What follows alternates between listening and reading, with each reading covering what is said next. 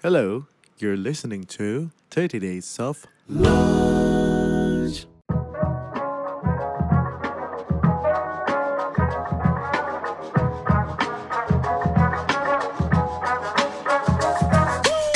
Memimpin itu adalah kesempatan paling baik kita untuk berbuat amal baik dibanding dengan semua kesempatan yang pernah saya alami. Dulu pengen jadi dosen karena saya lihat perusahaan itu entitas yang menyebalkan gitu kan. Entitas yang pokoknya maunya menang sendiri apalagi kalau perusahaannya atau organisasinya makin besar gitu ya.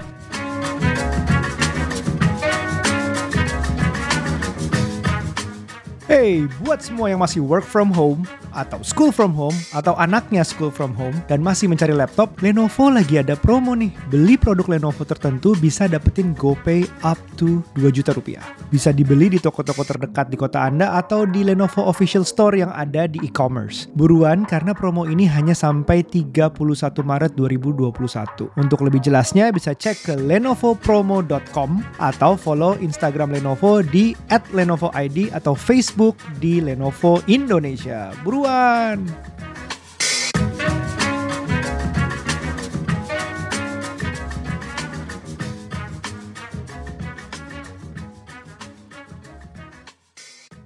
Nah, sebagai CEO yang yang aware banget soal ini, Pak. Saya lagi mikir kalau saya mau masuk kerja ke Nutrifood kayaknya health check up-nya paling susah ya, Pak. Enggak juga, enggak juga. Kita pengen pengen Nah, sebenarnya itu justru enggak kalau ini ini ini agak out of topic sedikit gitu. Kita medical check up untuk orang-orang yang masuk Nutrifood itu bukan pengen cari orang yang benar-benar sehat aja, bukan pengen nekan biaya kesehatan kita. Kita kalau ngecek orang untuk medical check up itu biasa hanya kita lakukan untuk yang benar-benar pekerjaan yang memang membutuhkan fisik tertentu sehingga itu perlu dicek. Kalau enggak MCU lebih sebenarnya buat data dan lebih buat benefit bukan untuk Hmm. Saya karena dulu per waktu kuliah di luar itu saya pernah belajar bahwa sebenarnya MCU itu bisa jadi alat diskriminasi terhadap orang-orang dengan kesehatan tertentu. Dan itu mungkin nggak baik. Di kita sih orang nggak banyak sadar dan di peraturan kita nggak ada. Kebayang nggak orang-orang yang dengan kesehatan yang nggak terlalu baik akan terlalu selalu terdiskriminasi dari pekerjaan. Nah kita mencoba Nutrifu kan pengen lebih inklusif jadi kita. Kita berusaha medical check up itu memang hanya benar-benar yang dibutuhkan untuk pekerjaan yang memang membutuhkan kondisi tertentu. Kan orang misalnya kalau mengalami epilepsi kan berbahaya kalau kerja dekat mesin. Itu kan nggak boleh. Oh iya, orang betul. bekerja di ruangan agak tertutup kalau punya masih ada infeksi TBC itu bisa menularkan ke yang lain itu berbahaya. Jadi kita lihat reasonnya ada nggak? Hmm. tapi kalau kerja di kantoran dan tidak ada ke- kebutuhan tertentu itu maka MCU itu hati-hati itu bisa menjadi alat diskriminasi gitu. Iya, iya, Bersyukur iya. di di Nutrifood enggak ya. Em, tapi aku lebih pengen galinya adalah berarti dengan inklusivitas tadi di Nutrifood juga lumayan diverse ya berarti Pak ya timnya. kita berusaha begitu Mm. So far eh, berapa besar sih Pak timnya Nutrifood ini? Eh, kita Satu Indonesia gitu. kita sekitar eh, 2000 orang ke atas antara 2000 sampai 3000 Wow. Wow. Pabrik ya? Berapa pabrik, 2000. Pak? Kita ada tiga pabrik, jadi ada di eh, Ciawi, ada di Cibitung dan ada di Sentul. Ya. Oke, oke, oke. Ya. Nah, ini buat Pak Mardi nih, Pak. Kita udah nyiapin satu apa ya? satu surprise. Oke. Eh, ada ada satu rekaman yang kita mau ngedengerin ke Pak Mardi dulu. Monggo didengerin lalu nanti kita lanjut lebih dalam ditanggapi Oke, ya, oke. Pak. Pak Mardi itu temen traveling yang asik buat aku, pengalaman yang paling berkesan waktu terdampar di Greenland. Terus eh, aku belajar banyak banget dari Pak Mardi. Dari yang tadinya aku sangat scientist, terus cukup introvert, aku bisa belajar banyak dan berada di titik sekarang. Karena Pak Mardi melihat kemudian mengarahkan dan kadang-kadang memaksa juga sehingga aku bisa eh, berkembang dan berada di titik sekarang ini. Aku belajar banyak banget. Terus juga belajar bahwa Pak Mardi selalu nekanin nih bahwa seseorang tuh pasti punya kelebihan dan kekurangan dan kita harus bisa menempatkan seseorang tersebut sehingga kelebihannya akan lebih menonjol dibandingkan kekurangannya. Last but not least, eh, selain teman diskusi dalam hal kerjaan, Pak Mardi juga teman curcol. Aku bisa curcol soal kerjaan, soal apa pun deh. Dan gak cuma jadi atasan, tapi juga jadi kakak. Thank you ya Pak, udah ngerekrut aku sejak SMA katanya. Wow, sejak SMA. Bentar nih, Pak Mardi dari dari rekaman tadi, kebayang nggak siapa ini kebayang, kebayang. Itu Ibu Susan yang sekarang jadi Head of Marketing Nutrifood. Gitu. Wow. Dia mereka selalu Wow. bilang beberapa orang ini selalu bilang saya menyasarkan mereka ke jalan yang benar gitu. Jadi jadi beberapa yang yang beberapa yang di tim itu eh, mereka itu eh, saya kenal dari SMA. Sebenarnya nggak dari SMA, Wow. dari kuliah tapi mereka masih SMA. Jadi waktu Hmm. saya dulu kan saya bantuin IPB untuk merekrut. Nggak tahu ya kenapa saya saya tuh dulu mungkin karena cinta sama IPB jadi saya lihat orang-orang yang berpotensi yang bisa eh, eh, eh, eh, dapat ilmu di IPB dan satu hari bisa bagus gitu. Eh, sayang kalau nggak masuk situ. Jadi saya tuh karena saking cintanya IPB itu kalau pas lagi liburan semester saya ke sekolah-sekolah, terutama ke sekolah-sekolah yang masih saya kenal artinya di SMA saya dan jaringannya. Saya mem- mempromosikan ik- membantu merekrut orang-orang masuk IPB gitu. Nah, mereka-mereka ini yang dulu saya rekrut untuk ikut eh, apa untuk eh, eh, masuk ke IPB gitu. Dan setelah IPB mereka ikutin jalur saya eh, pe- pen- eh, dari satu lab yang sama di jurusan yang sama sampai kemudian sebagian mereka ada yang sudah kerja di tempat lain terus kemudian ikut gabung di eh, Nutrifood sampai saat ini. Nutrifood. Gitu. Wow, wow. Berarti ini Pak, Pak Mardi kenal banget ya. Eh, dari suaranya tadi udah teridentifikasi. Em, cuman ini kenapa menurut saya menarik ya. Tadi rekaman satu menit aja itu udah begitu banyak cuplikan-cuplikan leadershipnya Pak Mardi yang luar biasa menurut saya. Satu, bisa menginfluence orang dari SMA sampai kuliah sampai akhirnya kerja pun sekarang Head of marketing lagi. head of marketing gitu itu satu yang kedua di situ bicara bagaimana Pak Mardi bisa menempatkan orang sesuai dengan kekuatan dan kelemahannya supaya dia bisa bekerja mungkin dia juga enjoy yang ketiga yang saya tangkap dari dari tadi adalah Pak Mardi juga bisa ngebalance antara jadi pemimpin bisa dibilang eh gue bosun ya. Tapi ada waktunya juga Gua teman bisa jadi teman curhat. Nah ini Pak jujur nih ya dari tiga hal ini saya sebagai orang yang juga punya tim paling sulit itu nomor tiga. Setuju. karena sering kali ketika kita mentok menjadi orang yang udah deh kita bisa temenan sama tim kita seringnya adalah kebablasan ya kan? Jadi nggak enakan. Uh, atau malah dia jadinya keterusan gitu ya kan? Nah mungkin saya mau dari tiga poin itu saya mau mulai dari situ dulu pak. Uh, bagaimana leadership yang bapak lihat sekarang apalagi di generasi yang baru untuk ngebalance ini? Tahu nggak sih perusahaan itu bahasa Inggrisnya kan company ya. Com- Company. itu asal katanya dari apa sih? Kalau saya cari googling itu katanya dari bahasa bukan company ya pak Nah, nah, nah, itu itu satu lagi. Sama katanya, tapi coba lihat begitu jauh di korupsi kata ini, ya. Dari company menjadi company yang begitu dibenci orang. Padahal company itu benar asalnya kata dari VOC itu uh, di os- the company kan, Mak- maksudnya Iya. itu kan uh, uh, Iya, memang iya, iya, company iya. perusahaan gitu ya, yang menjajah kita itu Iya, perusahaan gitu, bukan per- awalnya bukan pemerintahan tapi perusahaan. Nah, dari Betul. company menjadi company gitu. Tapi sebelum sampai company yang Wow. ekstrim itu, comp- company yang ma- mayoritas seperti yang waktu saya lulus saya bayangin itu itu company yang tidak menyenangkan. Padahal arti kata aslinya itu dari bahasa Prancis. Saya nggak bisa ngeja dengan benar. Itu company yang itu kalau nggak salah bahasa Latinnya itu asalnya dari kam- bahasa Prancis lama. Tapi kalau kita ambil lebih dalam lagi dari bahasa Latinnya itu adalah companio gitu. Nah itu artinya apa? Artinya teman berbagi roti Roti. Wow. Teman berbagi roti. Kebayang nggak zaman ini kan Wow. bahasa Latin di zaman Roma dulu orang-orang di Timur Tengah itu berbagi roti itu sesuatu yang luar biasa loh. Tidak semua orang kita berbagi roti ya. Kalau di dalam tradisi. Apalagi di zaman covid pak. Apa di dalam covid benar. Ya. Uh, company berasal dari situ. Uh, coba kita lihat, lihat di sisi lain. Di tradisi Kristen itu berbagi roti itu sakral banget gitu. Nah ini Betul. teman berbagi roti itu luar biasa loh maknanya perusahaan itu adalah tempat orang-orang saling berbagi rasa saling benar-benar begitu Wow. dekat berteman tapi kita lihat seberapa jauh kata company itu terkorupsi sehingga menjadi sesuatu yang banyak orang alergi gitu nah mungkin nggak sih mengembalikan bahwa benar-benar loh kita bisa bangun company tempat orang-orang benar-benar bisa berteman. Nah, tadi balik lagi ke pertanyaan Hmm. Ruby tadi, bisa kita bangun leadership dengan bahwa kita sama-sama dalam satu perusahaan. Kebetulan mungkin kita jadi leader yang memang dikasih tanggung jawab lebih karena kadang-kadang nggak bisa tanpa leader sama sekali itu bisa jadi pengambilan keputusannya lama, bisa jadi arah Hmm. arah perusahaan atau area organisasinya mungkin lebih tidak terlalu terlalu acak atau kurang strategis atau kurang tepat. Hmm. Kadang-kadang kita Hmm. masih butuh dan kebetulan kita diangkat jadi pemimpin gitu. Tapi tidak berarti Hmm. kita jadi segala-galanya gitu. Nah, gimana kita bisa nempatin diri bahwa kita cuma salah satu yang dikasih amanah, kita salah satu yang Hmm. dikasih tanggung jawab lebih untuk Hmm. lebih membantu Hmm. memimpin. Hmm. Tapi kita semua sama dalam organisasi, sama punya dignity-nya yang sama gitu. Nah, itu dasarnya. Hmm. Dari situ baru kita benar-benar bisa berteman. Eh, kalau saya percaya mimpin orang itu, mimpin tim itu salah satu yang paling penting untuk dicapai adalah engagement.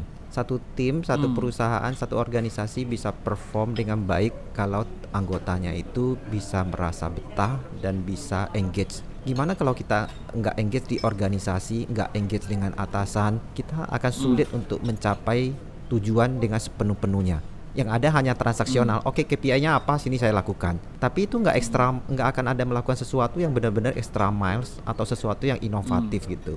Kita butuh all out orang kasih hatinya 100% untuk di situ. Belum bu- bukan waktu 100% ya karena waktu kan harus balancing waktu kita terbatas. Ada ada keluarga, ada apa. Tapi kecintaan dan niat kita 100% untuk sama-sama berjuang di situ itu kita penting banget untuk kasih engagement setinggi-tingginya. Jadi buat saya memang kalau mimpin itu engagement penting. Nah, engagement penting itu artinya apa? Memang kita nggak bisa nggak harus berteman dengan tim kita. Kadang-kadang nggak tahu saya lihat saya sering sih dengar orang agak ada ketakutan kayak gitu gimana kalau kebablasan gitu ya. Untungnya dari pengalaman saya eh, itu minor itu bisa diabaikan. Mostly kalau kita pilih dengan baik orangnya, kita bisa berkomunikasi dengan baik, kita berada dalam satu komunitas, dalam satu jaringan yang sama-sama menghargai, kita bisa sebagai teman. Dan memang sa- saya mimpin dan Nutrifood juga memang agak agak unik karena kita tidak melihat ini organisasi sebagai satu piramid dengan garis kontrol yang yang yang yang ketat gitu. Kita lebih melihat ini satu ekosistem di mana masing-masing orang sebagai pribadi yang utuh punya kemampuan entrepreneurship terus bergabung bersama-sama dalam jaringan ekosistem ini dan ingin mencapai tujuan yang sebaik-baiknya. Jadi atasan itu memang tergantung st- stasenya gitu ya. Kalau pada saat yang semua orang udah bisa engage, atasan itu kan jauh lebih enak mimpinnya.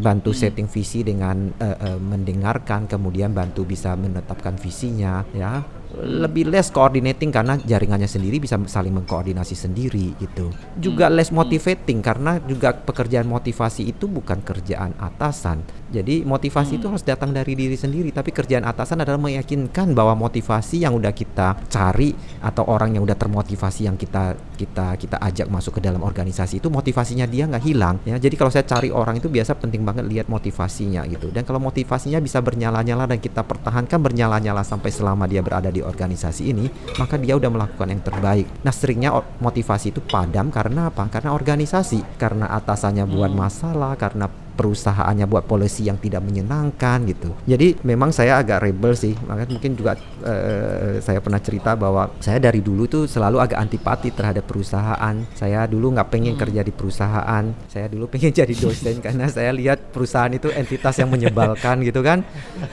Pe- entitas yang pokoknya maunya menang sendiri apalagi kalau perusahaannya atau organisasinya makin besar gitu ya. Iya, terus kemudian politicking, terus tidak ada orang benar-benar bisa berteman, terus power distance-nya begitu jauh yang punya kuasa itu kayak bisa segala-galanya gitu. Nah, saya tidak melihat saya pengen pengen hidup dalam dalam komunitas seperti itu gitu. Makanya saya waktu lulus saya setahun saya paksa-paksa nggak mau cari kerja di perusahaan. Jadi saya rela-rela nunggu beasiswa, saya ngajar, saya ngajar di kampus, saya neliti di kampus ya sambil saya nunggu untuk jadi pegawai negeri gitu. Tapi kemudian ternyata jalan membelokkan saya, saya ketemu Nutrifood, akhirnya saya berubah pikiran. Dan di sini saya temuin bahwa oh ternyata ada loh perusahaan yang mencoba dengan cara yang beda, dan itu menarik buat saya. Dan dan di situlah terus kemudian saya buat saya kenapa saya bertahan segitu lama juga di Nutrifood gitu. Dan juga karena di sini saya punya kesempatan untuk mengembangkan mem- melihatkan juga bahwa eh, perusahaan bisa bisa bisa beda loh dengan yang banyak orang bayangkan gitu.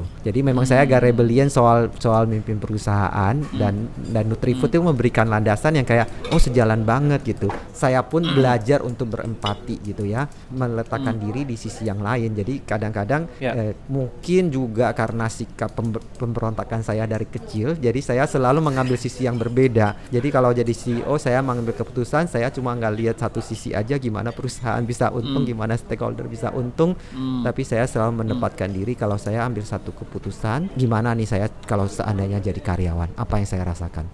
Kalau saya sebel banget, Ya saya berpikir-pikir apakah tindakan saya itu tindakan yang tepat. Walaupun kenyataannya waktu kita mengambil keputusan nggak bisa keputusan itu menyenangkan semua orang atau menyenangkan satu pihak yang kemudian jadi tidak balance gitu. Tapi setidaknya kita harus taruh kaki kita di satu sisi yang lain untuk bisa merasakan. Kebanyakan kan mungkin Ya. pemimpin tidak cukup untuk menaruh kaki di tempat orang yang lebih dipimpin. Itu gimana sih rasanya? Itu. Ya.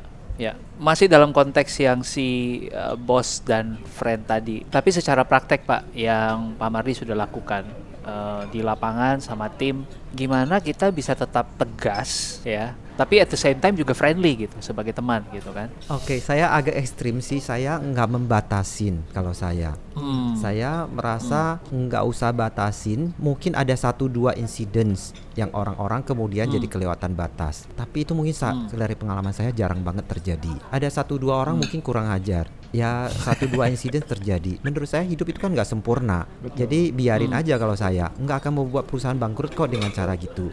Tapi 99,99% mungkin dengan saya jadiin teman nggak ada tuh yang nggak ada. Kan orang yang masuk sini juga terseleksi dan kita punya culture yang baik dan orang-orang dewasa yang bisa bertanggung jawab. Itu pentingnya Orang-orang Hmm. orang-orang tetap bisa walaupun berteman nggak terus sekedar meremehkan. Karena respect itu kita harus gain ya bukan kita paksakan. Jadi pada saat kita bisa mimpin dengan baik kita buat keputusan yang baik orang respect kita nggak bisa orang respect kita karena kita adalah atasan.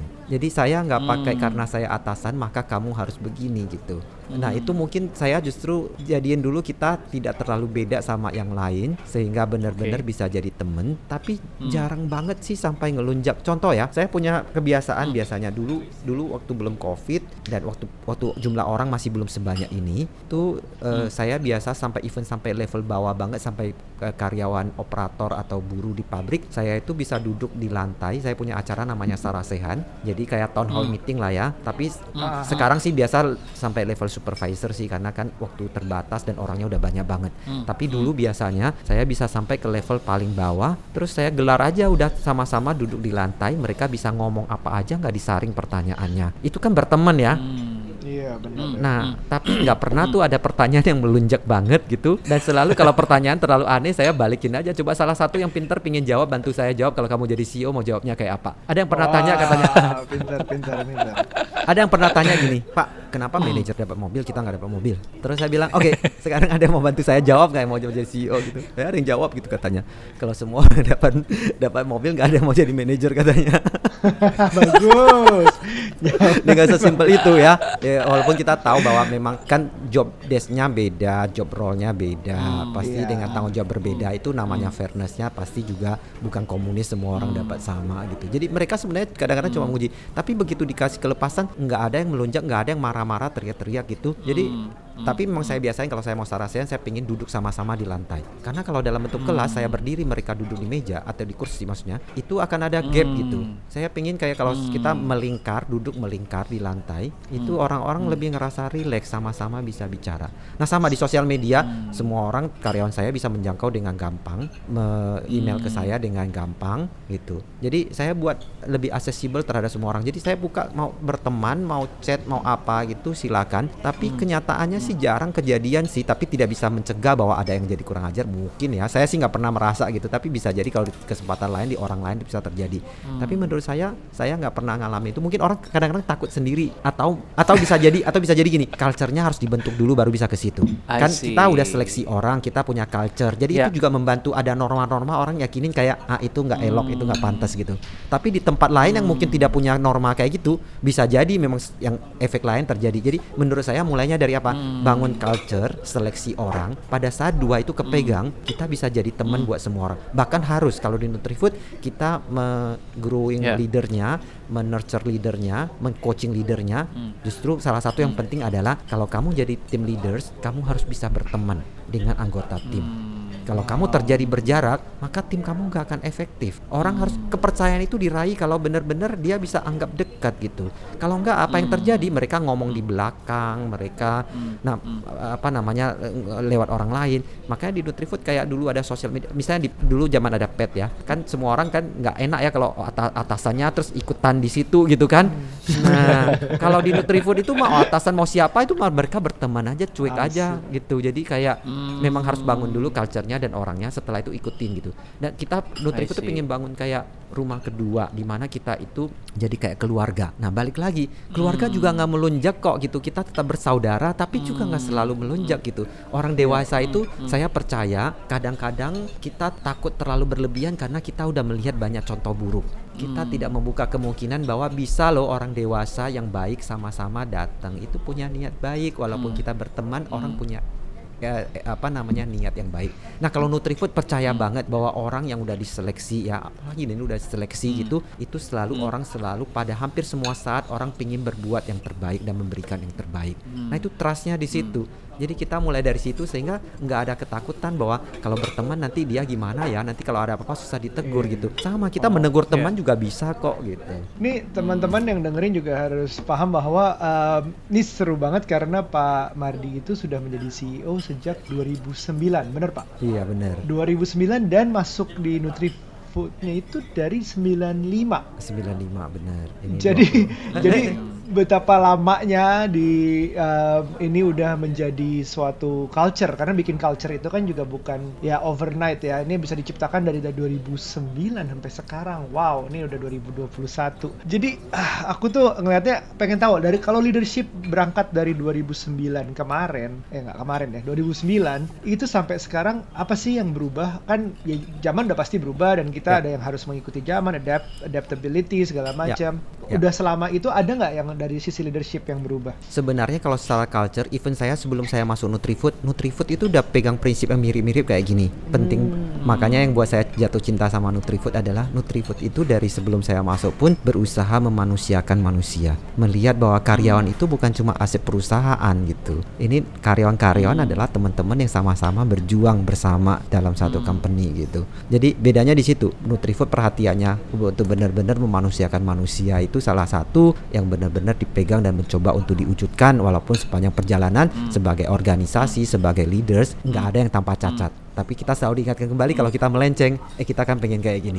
Itu. Nah, itu saya rasa konsistensi kita selama eh, puluhan tahun dari saya masuk udah lebih dari 25 tahun sampai hari ini dipertajam, diperhalus gitu, itu yang konsisten dan membuat kita bisa sustain sampai sekarang. Tapi kalau ditanya apa yang berubah, selama mungkin kalau dari saya jadi CEO dari 2009 sampai sekarang mungkin eh, culture-nya sendiri mirip engagementnya juga dari dulu kita berusaha seperti itu ya. Tapi sekarang kita mungkin leb- apa yang berbeda adalah kita selalu menjadi lebih ya kita berusaha untuk belajar untuk jadi lebih agile. Sekarang kan di zaman yang namanya industri 4.0 kita organisasinya pun harus bisa jadi organisasi 4.0 ya. Jadi Nutrifood kalau namanya memanusiakan manusia sudah dari dulu gitu udah dari dulu cuma kita pertajam-pertajam. Tapi kita lihat di dalam kalau at least saya bisa melihat 25 tahun lebih saya di Nutrifood apa yang saya lihat berubah. Dulu dua, awal-awal saya masuk Nutrifood memanusiakan manusianya iya. Tapi gaya manajemen Nutrifood agak tua dulu. Dulu lebih seperti anak ke orang tua ke anak. Jadi disiplinnya itu masih penting mbak. Masih masih agak kaku kayak zaman dulu saya masih ingat tuh nggak boleh pakai jeans ke kantor. Eh, apalagi pakai kaos gitu ya. Eh, perempuan itu nggak boleh pakai celana panjang harus pakai rok. Gitu gitu banyak peraturan-peraturan yang menurut saya nggak terlalu relevan. Nah saya orangnya kan agak rebellion karena saya SMA itu di di, di eh, SMA asuhan pastor-pastor Yesuit yang lebih bener-bener lebih punya semangat eh, membebaskan gitu. Yang Oke. di mana SMA saya nggak punya nggak pakai seragam. Jadi itu buat saya satu satu hal yang agak bukan saya gitu. Nah waktu saya mimpin saya coba bawa lebih lebih lebih lebih bebas lebih menghargai masing-masing keunikan masing-masing orang memberikan lebih banyak kebebasan. Dan mencoba menyesuaikan dengan zaman. Kita percaya bahwa Nutrifu kan rekrutmennya kan kebanyakan fresh graduate. Kita pengen jadi rumah kedua buat semua orang bukan cuma buat yang udah senior dan yang lama di sini. Makanya kita ubah banyak hal. Jadi apa yang kita lakukan perubahannya di luar culture adalah kita jadi organisasinya gayanya lebih makin lama makin muda nyesuaian dengan perkembangan zaman. Itu yang kita buat lebih agile. Sehingga kita bisa narik banyak anak muda. Contohnya tempat kerja kita kalau dulu kantor kita itu agak jadul banget ya. Eh, hiasan di dindingnya hiasan-hiasan gambar buah dari kalender gitu ya. Kebayang kan? Itu dulu kayak gitu. Tapi itu ruangannya kotak-kotak gitu Nah, waktu saya jadi CEO, Iya, saya iya, bilang iya. kita punya culture namanya pengen kolaborasi. Terus kita batasin orang-orang punya ruang kotak-kotak itu nggak mem- mem- memfasilitasi Hmm, hmm, untuk hmm. berkolaborasi. Jadi kita udah cukup lama dari dari dari lebih dari 10 tahun yang lalu kita buka semua Hmm. partisi-partisi. Jadi kita buat ruang kerja lebih terbuka. Bahkan sekarang Hmm. kita sebelum Covid kita masuk satu level lagi, kita kerja mobile. Artinya Iya. eh, di sebagian Hmm. tempat udah nggak ada tempat duduk. Jadi mereka datang ya siapa datang ya udah kayak kafe. Nah, Hmm. kebetulan pas Covid itu malah jadi benar-benar untuk beruntung buat kita karena kita udah terlatih dengan cara kerja gitu. Jadi kalau kerja dari jauh kita udah oke banget gitu. Jadi paling kayak Ya. cara kerjanya yang kita menyesuaikan diri gitu, eh, mulai dari eh, eh, ruangan kerjanya, terus kemudian penggunaan sosial media. Nah pada saat sosial media mulai muncul di tahun 2008, 2009 mulai gencar Twitter segala macam, Facebook, Facebook, Twitter. Twitter. Nah, kita lihat itu sebagai salah satu tools. Kita lihat wah ini bisa jadi alat yang luar biasa buat engagement untuk learn, untuk sharing knowledge. Nah, kita engage itu dengan sangat baik gitu. Jadi kalau kenapa bisa kelihatan heboh Nutrifood di sosial media karena dari dulu benar-benar kita lihat bahwa sosial media literasi itu jadi satu faktor yang utama. Dan kita ajak teman-teman untuk aktif dan untuk memakai itu untuk kebaikan gitu, untuk sharing knowledge, untuk memperkuat engagement team gitu. Itu yang kita lakukan. Ya. Dan begitu mulai masuk sekarang yang lebih masuk ke industri 4.0 yang lebih eh, business analytics-nya jalan. Nah, kita mulai dengan digital transformation. Jadi kita sekarang buat lebih agile bagaimana kita bisa memanfaatkan teknologi sebisa mungkin untuk running our company. Jadi lebih memang memang kita mencoba lebih agile melihat perkembangan zaman, kita belajar untuk menyesuaikan diri. Tapi niat kita untuk memanusiakan manusia itu sesuatu yang yang yang udah dari lama dan kita pengen jaga itu gitu. Iya, iya, iya. Thank you, thank you, Ini thank you. ini saya ada satu cerita menarik nih. Mungkin bisa jadi refresher buat Pak Mardi ya. Biar gantian Pak, kayaknya Bapak butuh Oke. minum. Banyak cerita soalnya. Takut kering. Jadi memanusiakan manusia itu sesuatu yang saya wah salut banget sama Nutrifood. Jadi saya baca di salah satu tulisan ada karyawan yang udah bekerja sekitar 2 tahun di Nutrifood, perusahaan udah kasih feedback dan training, tapi ini karyawan gak ada perkembangan di dalam pekerjaannya. Yang ada malah si karyawan ini stres karena nggak naik jabatan, terus mempengaruhi rekan kerja, sampai akhirnya katanya kalau menurut artikel ini orang itu dikasih waktu tiga bulan. Nah, yang dilakukan Pak Mardi menurut saya ini sangat memanusiakan manusia. Mungkin kalau saya di posisi Pak Mardi saya kan eh, ya udahlah, nih ya buru-buruan lu cari kerjaan lain deh, lu tinggal punya waktu satu bulan and then ya udah bye bye gitu ya. Tapi yang dilakukan Pak Mardi adalah membantu orang ini cari kerjaan yang baru. Jadi saya bingung Pak Mardi. Saya bingung apakah memanusiakan manusia sampai sebegitunya Pak. Dan ini saya lengkapi ceritanya ya. Jadi teman-teman, long story short, si karyawan Nutrifood tadi akhirnya disambungkan sama Pak Mardi eh, melihat orang ini punya potensi bagus di kampus, akhirnya menjadi dosen dan orang itu jadi dosen teladan se-DKI Jakarta beberapa tahun kemudian. Sebenarnya ada ada beberapa contoh. Setelah itu masih ada beberapa contoh yang mirip-mirip kayak gitu. Kenapa kenapa begitu? Eh, alasannya hmm, saya nggak tahu apakah itu inisiatif. Kayaknya sebelum saya nggak nggak gitu inget, tapi kayaknya at- eh, apa leader yang sebelum saya dulu ya ada sebelum saya gitu di bagian lain tapi itu pernah melakukan hal yang sama juga gitu. Jadi menurut saya itu mungkin spontanitas karena inisiatif pribadi. Nah kenapa berasal dari situ? Bukan kebijakan perusahaan sih kita harus cariin gitu karena karena Ya, kita ya. tidak selalu juga sanggup, tapi kita berusaha. Ya. Kenapa? Karena saya percaya bahwa orang-orang itu dipercayakan ke kita. Kita merekrut mereka. Hmm. Kita mengenal mereka gitu. Dan kita punya punya tanggung jawab sih. Kita apa yang bisa kita Hmm. berikan paling baik adalah mereka ini manusia gitu. Pasti juga tidak enak Hmm. dalam posisi mereka gitu. Dan kita tadi balik lagi mungkin ke nomor tiga tadi sebagai teman. Apa sih hal yang Hmm. paling baik yang kita bisa lakukan sebagai teman walaupun dia karyawan yang mungkin bermasalah di kerjaan, tapi kita tetap teman. Sebagai teman apa Hmm. yang bisa kita lakukan walaupun kita atasannya? Cara paling baik adalah membantu terbaik. Kita punya network, Hmm. tapi saya juga harus nggak boleh kayak pingin pindahin ke tempat orang lain. Saya ngomong baik-baik, nggak nggak liatin nanti kasihan orang lain juga. Saya makanya cari. Nah, mungkin karena Hmm. profile saya, saya itu orang yang lumayan untuk bisa scouting talent katanya. Waktu Hmm. pernah ikut ikut kayak training apa di leadership gitu dulu katanya profile saya itu selain planning itu adalah satu adalah resource investigator. Jadi saya mungkin punya talent dilihatin talent orang gitu. Nah, Wow. saya lihat posisi tadi seperti yang juga eh, Mbak Susan bilang gitu. Saya bisa saya bantu saya apa passionate lihat talent orang. Nah, saya lihat talent ini bagus gitu. Dan eh, ke saya punya kemampuan untuk itu, saya juga harus mampu manfaatkan itu dengan baik gitu. Dan mungkin itu adalah panggilan juga ya, itu titipan Tuhan gitu ya. Saya punya talent itu, dia punya talent itu. Saya orang yang punya kemampuan itu saya harus nyambungin talent ini cocoknya ke mana. Jadi saya coba liatin, oh ini kayaknya cocoknya gini. Tentu dengan saya kasih tahu kalau kamu pindah ke sini, termasuk orang yang mau nerima ya, dia punya kekurangan ini, tapi kayaknya kekurangan ini tidak terlalu relevan buat organisasi kamu. Karena di organisasi kamu kekurangan ini tidak akan terlalu mengganggu. Tapi jangan lupa loh dia punya keunggulan gini-gini yang akan memberikan banyak manfaat buat organisasi kamu. Saya lakukan beberapa kali terhadap orang yang dalam kondisi sama dan lumayan berhasil gitu. Lumayan berhasil. Jadi memang akhirnya kemudian dia bisa bisa bagus dengan situ karena dia tidak dia mengalami masalah di sini atau tidak cocok di sini bukan karena dia tidak bagus karena orang itu kan punya sisi yang banyak ya. Just mungkin di sisi yang kita butuhkan nggak klop aja, tapi dia punya I dignity yang sama. Makanya saya minta coba deh daripada stuck di sini, daripada kamu stres, teman-teman kamu stres, kita cari solusinya dan cari solusinya ya kita manfaatkan network kita sebaik mungkin untuk bisa bisa atasin itu. Jadi saya merasa itu satu panggilan juga gitu. Karena it- itu ya bukan keluarga sih, tapi kalau teman itu kayak kayak kita pengen bantuin gitu. Dan kita harus take care each other menurut saya gitu. Ya karena semua orang itu kan kalau jadi teman semua bersaudara gitu kita kita Ya, ya. terpanggil untuk bantuin sebisa mungkin. Dan itu nggak terlalu ambil resource seperti apa dari gitu angkat telepon jelasin ke orang yang membutuhkan gitu. Kasih tahu. Tapi dengan kasih tahu dengan jujur ya dia punya kelemahan ini dan gak cocok di saya karena ini loh. Tapi saya melihat di tempat kamu kayaknya faktor ini mungkin nggak terlalu relevan bisa coba nggak mau I coba nggak? Jadi jujur juga harus kasih tahu Ya. gitu Ya, saya nangkapnya dari kisah itu selain si, si menjadi teman dan memanusiakan tadi juga adalah gimana Pak Mardi dan tim mungkin waktu itu eh, bisa menjadi pemimpin yang menunjukkan compassion satu, Em, yang kedua memanage memimpin dengan emotional intelligence yang menurut saya bagus gitu. How do you develop that emotional intelligence supaya even di situasi yang gini pun em, bisa tetap ngambil keputusan yang menurut saya bijak banget sih.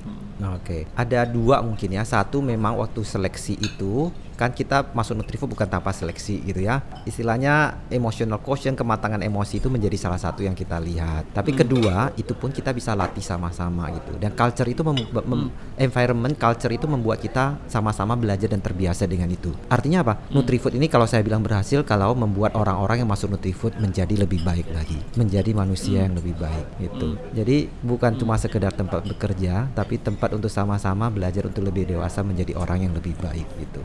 Dan dan it- itu nggak eh, maksudnya dengan kita lihat sesama teman melakukan sesuatu, at least kita juga ikut ikut bisa terpengaruh untuk melakukan hal-hal yang lebih baik. Dan saya mungkin eh, ambil inisiatif itu juga tadi balik lagi karena saya melihat ada orang yang melakukan hal yang serupa gitu. Dan saya melihat kebaikan yang ditunjukkan oleh teman-teman yang di Nutrifood dalam bentuk-bentuk yang lain. Dan itu mempengaruhi saya untuk selalu berusaha untuk berbuat yang lebih baik lagi. I see. Jadi besar sekali peran environment dan culture di sini ya. Ya bener banget. Wow. Wow. Udah dari 2009 jadi CEO, udah masuk udah ke Nutriput dari 95. What else do you need? What else do you want to achieve gitu? Aku pengen tahu end game-nya dari seorang Pak Mardiwu itu Eh. apa sih Pak? nggak ada yang spesifik sebenarnya karena saya belajar untuk kayak yang penting kita berusaha untuk menjadi lebih baik gitu. Tapi kalau ditanya secara general apa sih panggilannya? Eh, sampai di titik ini sebenarnya itu juga buat yang saya bertahan lama di sini karena saya seneng bisa melihat bahwa eh, misalnya contoh lah di sesi ini gitu ya eh, pengalaman Nutrifood itu bisa menjadi contoh inspirasi buat teman-teman untuk membangun organisasi gitu. Dan saya akan seneng banget dan merasa saya sudah mencapai sesuatu eh, kalau inspirasi ini kemudian bisa membuat lebih banyak organisasi berusaha untuk menjadi organisasi yang menyenangkan buat anggota-anggotanya, buat penghuninya gitu. Eh, karena apa? Eh, dulu waktu saya lulus itu saya pengen jadi peneliti. Saya belajar biologi molekuler, saya pengen jadi peneliti eh, saintis di bidang cancer gitu. Tapi kemudian jalan membelokkan saya gitu ya. Ternyata eh, mau membuat sesuatu yang lebih baik nggak cuma satu jalan, ada banyak ja- jalan gitu. Saya dulu pikir lewat meneliti, lewat mengajar, ternyata jalan saya berbelok ke sini. Saya melihat oh ternyata bisa memberi dampak ba- bawa kebaikan ke banyak orang lewat cara memba- memimpin satu perusahaan yang menginspirasi banyak orang untuk hidup lebih sehat. Tapi bukan hanya itu, tapi menjadikan satu organisasi yang menjadi contoh buat banyak organisasi lain sehingga ad- orang percaya loh bahwa organisasi itu nggak cuma salah cuma satu cara memimpinnya. Nggak cuma cara dengan komen kontrol yang ketat, tapi organisasi bisa di manage dengan cara lain. Ya, Nutrifood ini kalau di teori manajemen itu eh, base-nya itu teori Y, beda banget dengan banyak organisasi yang memimpin dengan teori X-nya McGregor, yang mulai dengan asumsi berbeda, yang tidak terlalu transaksional. Tempat lain orang memimpin mulai dengan percaya bahwa karyawan itu kalau nggak dipimpin dengan baik pada dasarnya malas dan culas gitu. Jadi harus punya sistem kontrol yang baik, harus punya Wow. KPI yang baik, harus punya insentif yang baik. Nah ini juga menarik. Nutrifood nggak punya performance appraisal. Wow. Nutrifood tidak punya insentif pribadi, bonus untuk pribadi. Jadi kita beda, kita kita manage dengan cara yang berbeda. Kita benar-benar manage percaya bahwa penghuni di sini, anggota tim kita punya motivasi intrinsik yang yang yang yang baik, yang tinggi gitu. Nah kita manage dengan cara itu. Jadi kita punya cara yang berbeda. Tapi hasilnya apa? Eh, kompetisi internal tetap lebih berbeda. Orang bisa lebih berteman. Kebahagiaan karyawan beda, engagement karyawan beda. Dan itu kita buktikan dengan survei bukan cuma sekedar ngomong. Itu kita udah selalu rutin tiap tahun, tiap dua tahun sekali, tiap dua tahun sekali kita survei tentang engagement karyawan dan kita selalu cukup satisfied dengan itu. Jadi Wow. eh, di tengah data dunia ya eh, ini dat saya lupa tapi terakhir data Asia Pasifik saya ini udah agak lama gitu tapi sekarang kayaknya lebih memburuk lagi gitu. Dulu data terakhir yang saya dapat tahun sekitar 2012an gitu itu data menunjukkan bahwa orang yang engage terhadap eh, perusahaan itu tidak eh, cuma sekitar seperempat di Asia Pasifik. Hmm. ya jadi s- lebih itu kebanyakan tidak engage atau just and netral aja gitu. Jadi nggak banyak orang yang benar-benar merasa senang dengan perusahaannya dengan kerjaannya gitu. Nah itu cukup menyiksa sebenarnya. Kebayang nggak sih hidup kita waktu kita habisin banyak di perusahaan sebenarnya sementara kita nggak engage dan kita nggak merasa senang. Orang cuma senang dapat duitnya tapi nggak bahagia gitu. Dan nggak bahagianya seorang yang kerja di kantor itu ketidakbahagiaannya akan dibawa pulang mempengaruhi seluruh anggota rumah.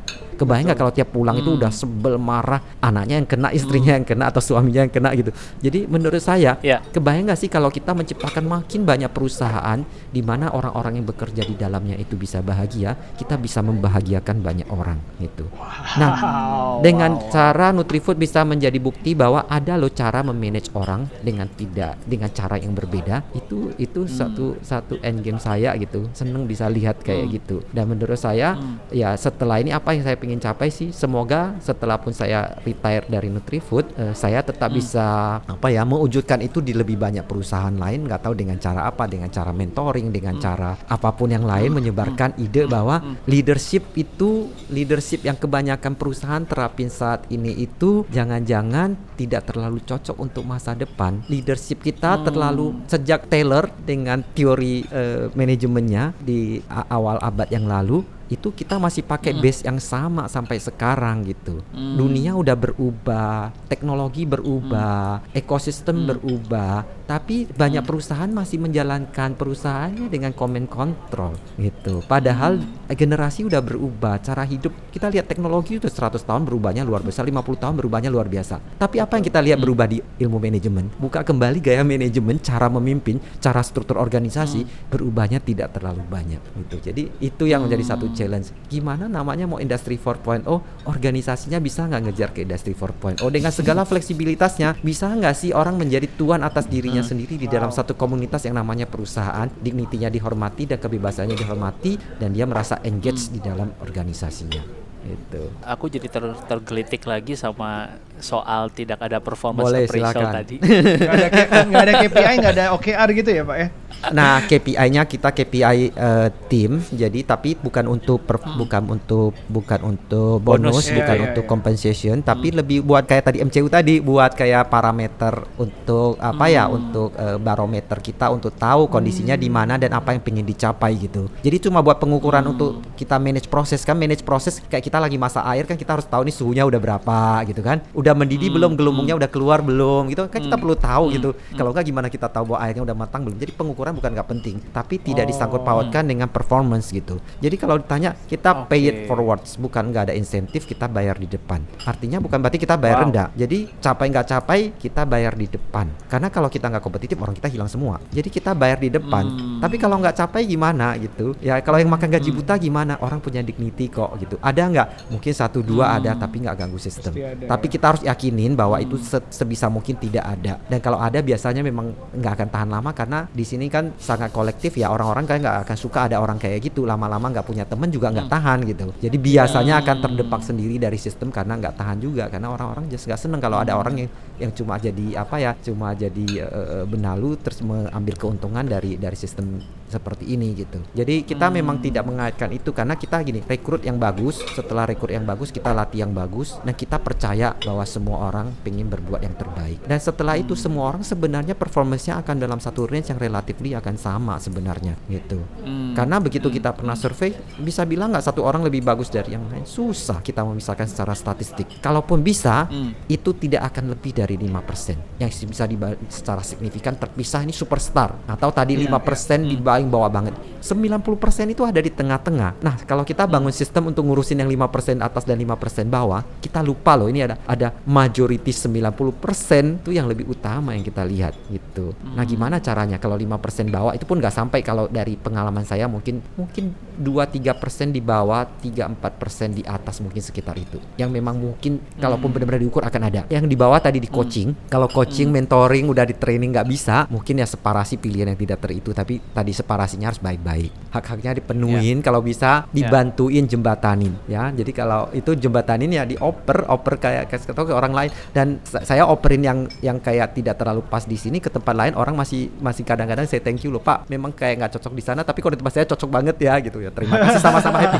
Saya happy orang yang dikasih happy orang yang pergi pun happy gitu kan. Jadi solusinya bagus gitu. Iya. nah tapi yang di atas solusinya gimana? Yang di atas yang bagus banget nah mungkin coba di grooming untuk tanggung jawab yang lebih gitu. dan pada saat memang dia benar-benar superstar dan nggak ada tempatnya di sini sebagai teman ya saya dorong. Wah kalau sini memang kita growth-nya nggak bisa sebesar itu nggak ada posisi untuk itu dan ada yang lebih bagus di tempat lain ya udah nggak apa-apa. Ya kalau kamu merasa lebih yakin berkarir di tempat lain kita tetap bisa berteman. Ya memang harus di di relieve karena anyway kan kita hidup ya harus berbagi gitu gitu. Jadi jadi itu. Tapi overall kita tidak ingin ngaitkan itu karena kita merasa bahwa eh, performance app- appraisal itu eh, punya dampak negatif yang lebih banyak daripada benefitnya. Bukan nggak ada benefitnya. Tapi kalau pro consnya itu consnya buat kita di organisasi kita itu jauh lebih banyak. Tapi banyak organisasi yang juga mulai jadi kalau mau baca itu di HPR atau di di googling deh performance appraisal itu mulai hilang dari banyak perusahaan gitu. Termasuk perusahaan-perusahaan besar. Ada perusahaan konsultan besar ada perusahaan IT besar sekarang mulai men-script eh, performance appraisal Performance Ya karena Oke. itu memang terlalu eh, ya tiap tiap organisasi punya variasi masing-masing tapi eh, memang kadang-kadang jadi sangat eh, eh, birokratis dan jadi politis juga gitu ya. Jadi kita pengen kayak udah nggak usah hitung-hitungan saya bayar di depan. Saya bayar di depan, saya cukupin di depan, kita sama-sama buat yang terbaik. Terus orang takut kan kalau gitu nggak ada insentif dari orang untuk maju. Orang suka meremehkan motivasi intrinsik. Kita nggak dibayar untuk main game. Kita nggak dibayar untuk main bola, nonton bola. Iya. Tapi kita begitu jadi pendukung bola yang sangat fanatik dibayar juga kagak. Kenapa di pekerjaan nggak bisa? Karena kadang-kadang perusahaan yang membuat itu jadi nggak bisa. Tapi kalau kita punya environment yang baik, orang passionate dengan apa yang mau dicapai, engage dengan timnya, Hmm. orang pengen kok gitu, pengen berbuat yang terbaik dan kita bisa buktiin ya kita bisa tumbuh dengan baik, Nutrifood terus bertumbuh dengan baik. Ini ini mungkin mendekatkan Pak Mardi ke end game yang Bapak tadi ya, memperluas supaya bisa dialami nih perusahaan-perusahaan yang bisa memanusiakan manusia lebih banyak lagi. Salah satunya mungkin lewat podcast ini. Eh, mungkin sih suatu hari Pak Mardi boleh Pak dituliskan Pak jadi buku supaya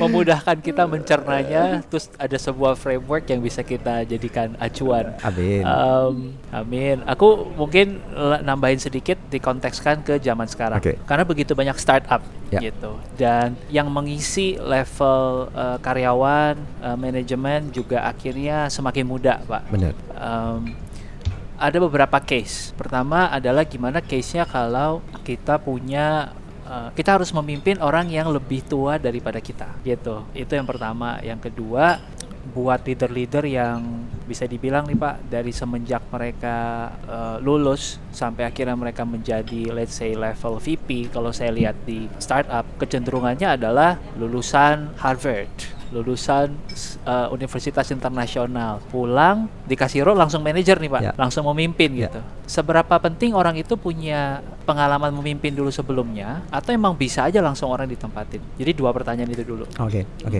Saya kebetulan juga masuk Nutrifood itu langsung dikasih kepercayaan untuk memimpin. Jadi saya masuk padahal lulus belum ada pengalaman apa-apa, saya dipercayain untuk ya? mimpin tim gitu kan.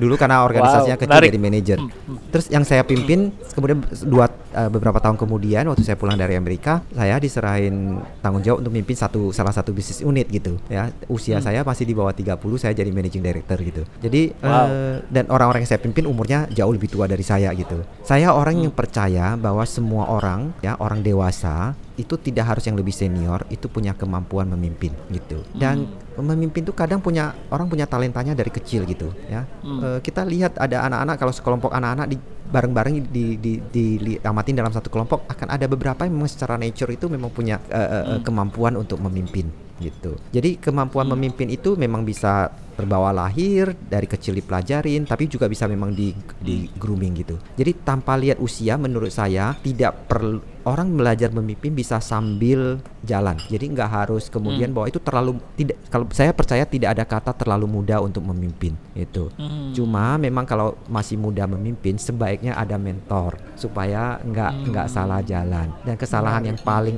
yang kesalahan paling fatal kalau dari pemimpin yang belum berpengalaman itu bukan ketidakmampuannya memimpin sebenarnya. Karena itu bisa dipelajarin. Itu ke- lihat masalah, problem solving, koordinasi itu bisa dipelajarin dengan cepat kalau dia memang punya talenta untuk itu. Yang lebih susah adalah humility. Bagaimana belajar untuk bisa rendah hati. Karena biasa kemudian kalau dengan usia semuda itu mimpin, kadang-kadang terus terbang, terus lupa lupa posisinya dan itu menjadi kemudian jadi jadi leader yang tidak populer. Dia nggak merasakan empati orang yang kerja susah dari bawah kerja dari bawah dan kemudian punya as- kur- ku- kurang bisa benar-benar bangun satu engagement yang baik gitu. Nah saya sendiri beruntung walaupun saya muda saya dulu dikasih tanggung jawab tapi saya dulu kecil dari kecil saya bantuin orang tua saya orang tua saya kebetulan punya usaha kecil di kampung gitu saya dari kecil kerja bantuin gitu. Dan saya belajar jatuh bangun dari waktu mimpin karena usaha kecil ada tetangga-tetangga yang ikut kerja sama kita ada beberapa orang gitu. Jadi kan diserahin tanggung jawab lah ya kayak waktu walaupun kecil masih SD SMP gitu eh, saya bisa mimpin dua tiga orang yang bantu ikut kerja di situ gitu kan itu kan UMKM kecil gitu. Tapi pengalaman dari situ saya belajar banyak gimana dulu waktu saya masih kecil saya nggak tahu. Kalau saya sebel saya ngomel kalau orang nggak bisa kerja dengan baik pernah saya usir tuh ada ada ada anggota tim saya gitu kan karena saking sebelnya gitu ini kerja nggak beres-beres gitu saya saya ngomelin terus saya udah deh nggak usah kerja di sana gitu. Akhirnya saya repot sendiri gitu. Jadi nggak ada dia saya juga bingung siapa yang bantuin gitu kan. Jadi cara memberikan feedback nggak bisa cuma sekedar ngomel-ngomel dan ngusir gitu. Gitu. Jadi belajar banyak dari situ. Nah jadi balik lagi ke pertanyaan tadi eh, usia itu menurut saya bukan jadi halangan tapi harus pede malah. Menurut saya yang mimpin muda bisa tapi harus punya belajar untuk rendah hati dan cari mentor yang bisa bantu ngarahin supaya supaya bisa jadi pemimpin yang lebih baik gitu. Nah kalau masalah gelar segala macam menurut saya semua punya kelebihan kekurangannya masing-masing. Eh, lulusan luar mungkin punya kompetensi cara berpikir, punya network yang lebih baik gitu. Tapi pesan saya buat yang bukan lulusan dari sekolah-sekolah keren dari luar, jangan berkecil hati gitu. Itu cuma salah satu alat bisa dikejar dengan cara yang lain. Yang membuat kita tidak mampu sampai pada level itu adalah justru karena kadang-kadang ketidakpercayaan diri kita gitu. Kita harus percaya bahwa orang yang sekolah di sekolah yang sebagus itu pun kalau kita mau kejar kita bisa kalau kita berusaha gitu. Akan ada caranya akan ada kesempatannya. Dan kadang-kadang malah nah ini kadang-kadang malah orang-orang selalu punya plus minus gitu. Belum tentu yang udah di sekolah bisnis MBA yang paling bagus akan jadi pemimpin yang paling baik gitu karena kadang-kadang ya orang yang tidak belajar itu terus belajarnya sendiri dari instingnya kadang-kadang dia punya asumsi yang jauh lebih baik. Saya juga sebenarnya saya belajar saya kan S1-nya kan eh, teknologi pangan S2 saya manajemen. Saya marketing itu cuma dapat cuma dua mata kuliah sederhana gitu di waktu ambil MBA gitu. Tapi saya benar-benar belajar marketing justru di lapangan waktu saya mimpin gitu. Tapi karena saya nggak pernah kerja di perusahaan lain jadi saya benar-benar kadang-kadang cuma pakai intuisi dengan eh, berpikir lebih kritis untuk mempertanyakan diri kenapa nggak boleh begini kenapa nggak boleh begitu. Dan dari situ lahir banyak inovasi. Sedangkan kalau kita benar-benar udah benar-benar pernah kerja di perusahaan besar atau sekolah yang udah benar-benar kasih kita eh, apa handbooknya jadi marketing yang baik begini begini begini kadang-kadang kita stuck di situ oh cara mainnya harus kayak gini gitu nah itu malah Iya. jadi buat nggak kreatif jadi jangan berkecil hati justru dengan tidak tahu sama sekali kadang-kadang bisa jadi keunggulan asal disertai dengan Iya. curiosity dan kemauan untuk belajar untuk mem- terus mempertanyakan asumsinya terus mau belajar gitu Ya, quick question kalau gitu Pak Ya. untuk menyimpulkan. If you have to choose, Ya. waktu mensortir kan tadi kan Bapak lumayan canggih nih ya eh, untuk scouting, Iya. untuk milih leader Nutrifood duluan managerial skillsnya atau duluan people skillsnya? people skill kalau harus milih people skill Oke. karena itu kritis kalau ya. harus milih tapi sebenarnya paling baik adalah dua-duanya harus saling berimbang Iya. Tapi people skill itu Oke, lebih penting karena di organisasi yang besar, yang makin besar, tuh yang penting adalah bagaimana mengengage orang. Kita nggak bisa kerja sendiri. Karena tadi kalau Hmm. saya masih percaya bahwa eh, kontribusi dari orang itu sangat penting di dalam organisasi. Dan pada saat kita bisa Hmm. mengengage orang dengan baik, semua orang itu pengen memberikan terbaik, maka organisasi itu benar-benar bisa doing extra miles. Iya, yang managerial skills tadi bisa Bapak ajarin ya. Dan bisa dia juga Lebih- belajar gitu. le- lebih teachable Lebih ya. teachable. Oke, oke. Iya. Iya, iya, sip, sip. Mungkin untuk menutup Pak Mardi, dua hal Pak. Satu, sambil menunggu Pak Mardi ada buku yang bisa membantu kita. Mungkin Pak Mardi juga punya referensi buku yang teman-teman yang lagi uh, pengen menggali leadership mereka, yang mereka bisa baca. Dan yang kedua, kalau kita harus menginterview satu orang lagi Pak untuk ke dalam leadership, tapi dari angle yang mungkin Pak Mardi tahu sedikit berbeda, kira-kira orang itu siapa Pak yang kita undang? Oh. Dua itu aja. Wow, dua pertanyaan final nih Pak. ya. Oke, pertanyaan yang susah ya. Oke, kalau buku. buku kalau saya sarankan dari tadi yang saya banyak cerita, mungkin mulai dari satu buku yang simple itu judulnya What Matters Most. Eh, What Matters Now itu karangan Gary Hamel gitu. Hmm, Gary What Hamel itu Gary Hamel itu eh, banyak nulis tentang ide-ide seperti ini. Bagaimana organisasi harus merevolusi diri supaya bisa ngikutin perkembangan zaman. Dan kalau ada satu buku lagi kalau boleh tambah, ini sebenarnya bukunya bukan tentang organisasi, tapi buku ini bisa merubah cara pandang kita. Judulnya Humankind. Human Ya, kind. Humankind. Oke, Itu, oleh ah, nah olehnya Oke, kita Google cari, aja kita harusnya cari. ada. Ah, ah. Nah, kenapa buku ini eh, singkat aja sat- satu dua kalimat, buku ini mendebatkan asumsi bahwa sebenarnya manusia itu baik. Nah, ini dia sertai dengan Hmm. berbagai penelitian psikologi, sosiologi dari dulu, tapi ceritanya dengan cara yang menarik. Dia membuktikan bahwa manusia itu pada dasarnya baik dan sekarang kebanyakan kita di organisasi, di pemerintahan, di segala macam selalu mengasumsikan sebaliknya bahwa orang itu Hmm. sebenarnya adalah manusia adalah serigala bagi sesamanya homo homini lupus Hmm. dia pengen berasumsi dia pengen mendebatkan asumsi sebaliknya bahwa enggak manusia pada dasarnya baik, Baik. gitu nah itu penting banget Aku cari ya aku cari bukunya Humankind ketemunya game nih Pak. Apakah maksudnya humanocracy? bukan bukan humanokrasi Ini atau Eh, Humankind yang A Hopeful History Ruther eh, yes itu Rutger itu Bregman? ya ya itu ya yang itu Oke. ya benar Oke. Itu. jadi Sip, itu sip, kalau sip. kita udah baca saya pikir kita akan berubah pikiran bagaimana jadi seorang Hmm. leader kalau kita yakin percaya dengan nilai-nilai itu cara kita memimpin akan beda banget Nice. Nah itu. Oke. Kalau tentang Oke. pembicara banyak banget orang yang saya kagumin ya. Saya nggak tahu udah apa belum, tapi eh, senior saya di IPB dia penguji saya waktu saya eh, sidang doktor gitu, Pak Handri gitu, Pak Handri. CEO-nya. Handri Satriago. Ya benar. Eh, Ya, beliau beliau cukup menarik nih disertasinya waktu eh, doktor itu tentang eh, followership gitu. Followership. Hmm. Nah, orang selalu bicara leadership, tapi lupa bahwa followership itu hal yang penting juga. Mungkin itu bisa Hmm. jadi topik menarik karena itu topik yang agak orang jarang bicarakan. Gitu. Thank you. Thank you Wow. banget Pak Mardi. Itu melengkapi obrolan kita hari ini. Iya. belajar banyak banget ya eh, apalagi eh, ternyata yang pertanyaan di awal tentang bisa nggak kita ngelihat leadership by compassion by empathy ini ada kayaknya pengalaman di Nutrifood yang segitu lamanya itu kayak udah kejawab semua di sini dan yang terakhir juga cukup kena di aku di saat kita mau ngelit seseorang yang lebih tua yang lebih berpengalaman eh, leader muda itu bukan gak bisa ngelit tapi lebih ke mungkin masih butuh mentor karena challenge-nya salah satunya adalah humility. Karena banyak banget uh, glorification bahwa menjadi manajer di usia sekian mena- menjadi direktur di usia sekian menang award ini usia sekian seolah-olah mencapai itu di usia cepat itu it's the end game. Bukan berarti itu jelek tapi kayaknya itu sesuatu udah yang udah terakhir. Udah lu udah udah dapet itu lu udah selesai lu udah keren banget udah sukses. Padahal itu kan suatu permulaan dari sesuatu yang lebih besar lagi. Dan be- bener banget butuh mentor. Dan itu yang aku nggak punya di saat aku mimpin perusahaanku di awal. Takes a while took a while for me to find a mentor. Dan ini mungkin berguna buat teman-teman yang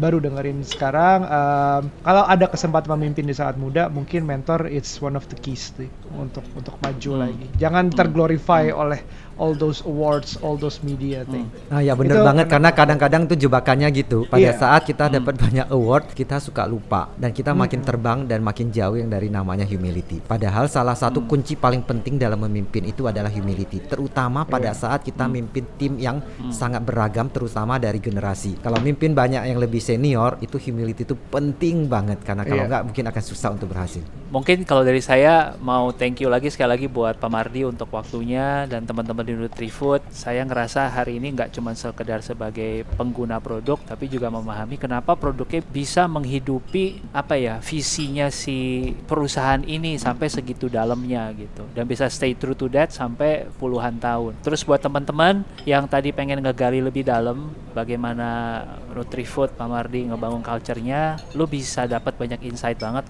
ketika lu baca buku rumah kedua ya ini saya nggak tahu masih bisa dicari apa enggak saya nyarinya susah banget uh, dapatnya di topet but banyak banget insight di sini yang teman-teman bisa cari. Mungkin terakhir dari Pak Mardi ada mau tambahkan apa Pak buat pendengar pendengar kita yang rata-rata umur 20 sampai 35. Memimpin itu adalah satu kehormatan paling besar, satu kepercayaan, satu amanah, satu anugerah, satu panggilan itu. Dan gunakan dengan baik karena setelah jalan segini jauh saya baru menemukan panggilan saya bahwa memimpin itu adalah kesempatan kita untuk beramal. Memimpin itu adalah kesempatan paling baik kita untuk berbuat amal baik dibanding dengan semua kesempatan yang pernah saya alami.